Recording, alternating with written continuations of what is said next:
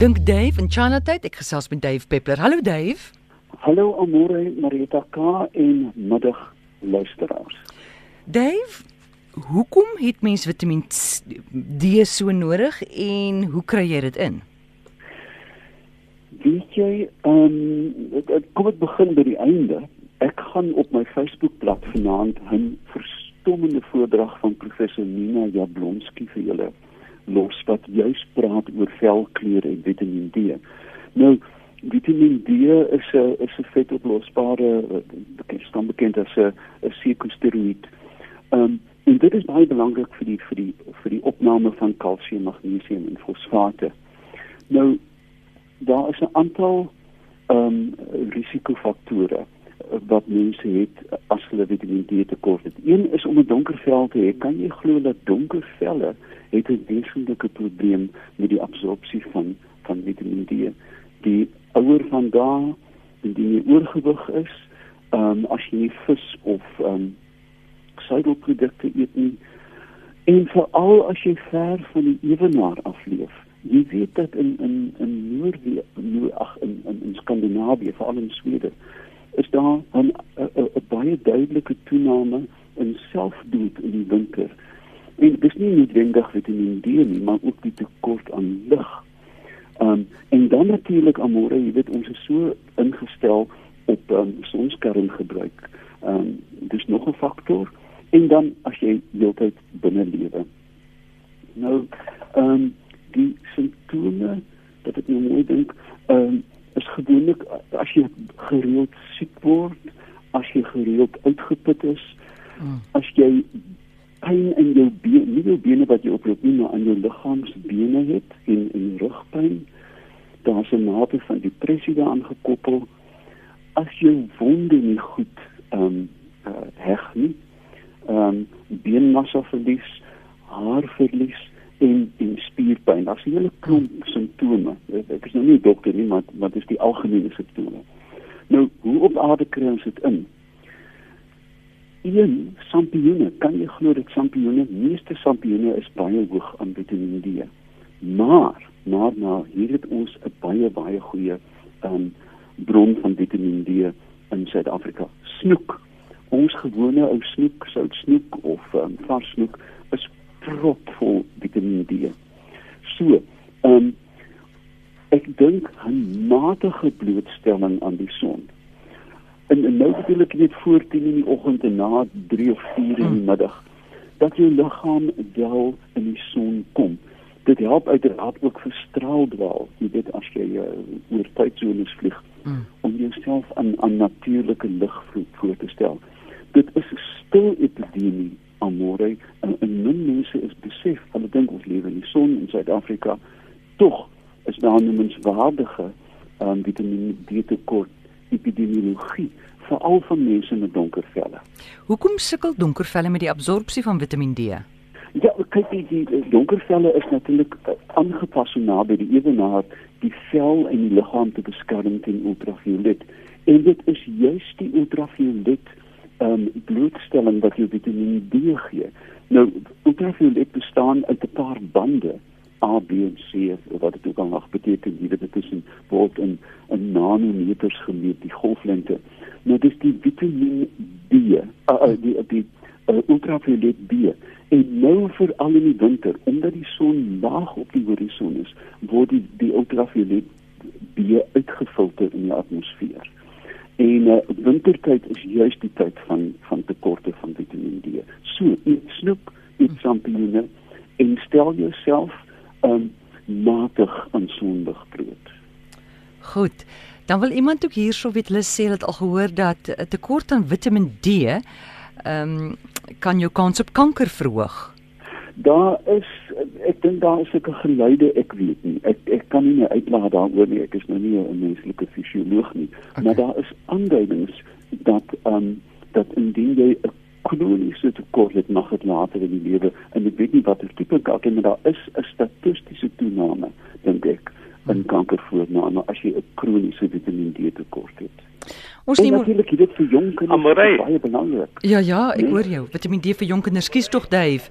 Ehm um, yes. hier's nou 'n vraag vir ons. Hallo, goeiemôre. Amorede Stevie.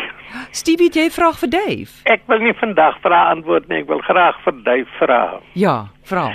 Jy het eergister gevra watter rivier bevat 20% van die water se uh, wêreld se varswater en dit was die Amazone. Nee, my vraag was gewees, ehm um, watter rivier en watter rivier kom 20% van die wêreld se riviere in? Ja, in Ja. elk geval. Okay, goed, ja. Nou ja, maar om die Amazone is mos daai woude.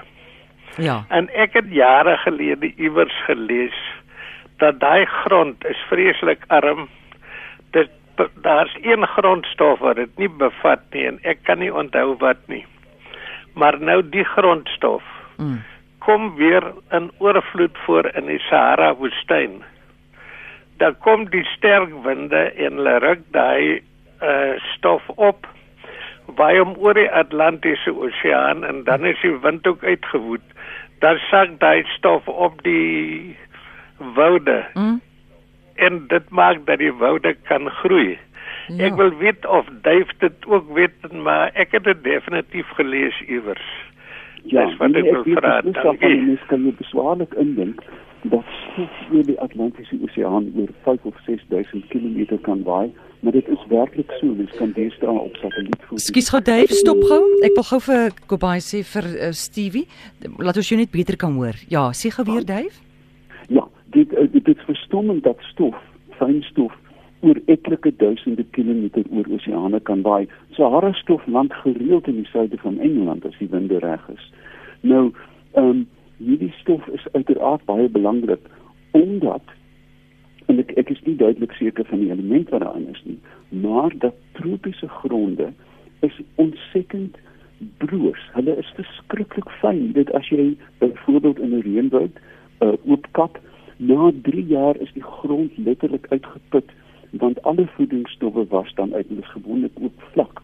So, ehm um, in in die groot model van die aarde se atmosfeer en die voedingssiklusse is dit ontsaglik belangrik hierdie winde. Genadiglik kan ons niks daaraan doen nie. Die stof waai of jy nou wil of nie. Maar dit is dit is waar dat uh, dat die dat die Sahara voet ehm um, duisende kilometer verder voet hulle die aarde waar dit neersak. Baie daarvan sak natuurlik in die see uit en uh, dit gaan lê in die geologie onder in die in die water. Goed, Lerina wil hier weet, wat kan sy vir haar krimpvarkie gee want die het nou verkoue. Ag, hy gaan hert nie die vader alleen weet. Ek dink die verkoue moet maar uitwoed. Ehm um, want die jy weet meeste van van griep en verkoue behandel mense eintlik maar simptomaties, né? Jy kan Ja. eintlik nie die ding stop as jy jou gepak het nie. So indien die verkoue aanhou meer as sê net maar 3 of 4 dae, dan moet ek dink met krimpvarkie maar vir arts toe gaan. Ehm um, jy Mm. weet vir um, ek, ek ek ek weet nie hoe jy hoesmedisyne in 'n krimpvarkie gaan kry nie, maar nou ja. Ehm um, ek ek dink 'n goeie veearts moet dan eintlik maar na die diertjie kyk. Hy moet net nie as hy nuus van sy penne skiet nie. Wel, hy moet nie lê slaap op jou skoot en dan nie nie. Ek weet dit kan jy duur staan. Goed. Ons nommer in die ateljee 0891104553. Chanat, hallo. Maar nou kan ek Goed, dankie. Jy moet 'n bietjie harder praat want ek kan jou nie hoor nie. kan jy my nou hoor. Ja. Hmm. Hou maar kort en kragtig. Ek gaan probeer. Maak jou hart oop. Hm.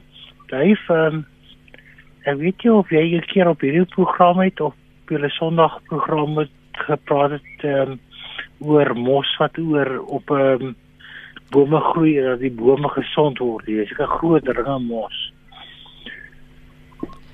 Wat daarvan? Ehm um, ek wil graag weet eh, ek was so 'n paar dae terug in die Plaasberg gewees by een van hierdie uh tentkampe. Mm. En die tentkamp het 'n uh, skarinet, een van die groen nylon skarinette oorgetrek. En die, aan die suidekant van die skarinet groei mos en hierdie groot kolle. Uh hoekom groei dit op skarinette? As jy dit gesê het, uh dit groei net op bome wat baie gesond is. Goed. Wil, Ah, ek ek hoor die vraag. kan ek hom maar um, groet Dave? Kan ek hom maar groet of wil jy nog iets weet? Ja, uh, ons kan maar groet. Dankie. Praat maar. die mos wat die luisteraar van praat is eintlik ligene, lichen, wat die Engelse noem lichen. Nou ligene kan uh, natuurlik op jou sink op jou asbesdak groei. Jy sien baie naby aan die see dat huise met asbesdakke het 'n pragtige laag van byvoorbeeld kroongeel ligene daarop. Ligene is ook georiënteer um waar hulle die meeste lig ontvang en by ons is dit dan gewoonlik aan die gewoonlik aan die noorde kant. Maar um jy sien dit veral jy weet as jy nou daar in die, in die diep karoo in ry met daai pikswart gebakte klip dat die ligene net aan een kant groei, partykeer aan die aan die suidekant omdat dit te warm is aan die noordekant. So, ligene is wel 'n aanduiding van die gesondheid van bome. 'n Vriend van my in Swede het 'n indeks ontwerp waar jy letterlik die ligene spesies tel en dan kan jy 'n afleiding maak oor die relatiewe gesondheid van die woud. Ehm um, so hulle is ons ontsettend belangrike baie ou ehm um, organismes. Kyk dit bestaan uit twee organismes, dis nie net een nie. Die een is 'n substraat wat vashou um, en die ander een fotosinteer. So, ligene is ontsaglik belangrik wêreldwyd want hulle breek uh, klippe af. Byvoorbeeld in IJsland is daar ligeenvelde wat stadig die lavavelde verteer en dan sand en grond maak. So, as jy ligene het op jou op jou um, skadu net wees trots daarop hmm. want jou ten minste is dit 'n aanduiding dat jou omgewing gesond is. Goed, Dave, ons moet groet maar ons hou jou Facebookblad dop vanaand oor die storie van Vitamiin D, né? Nee? Ek doen dit sommer nou. Goed, baie dankie.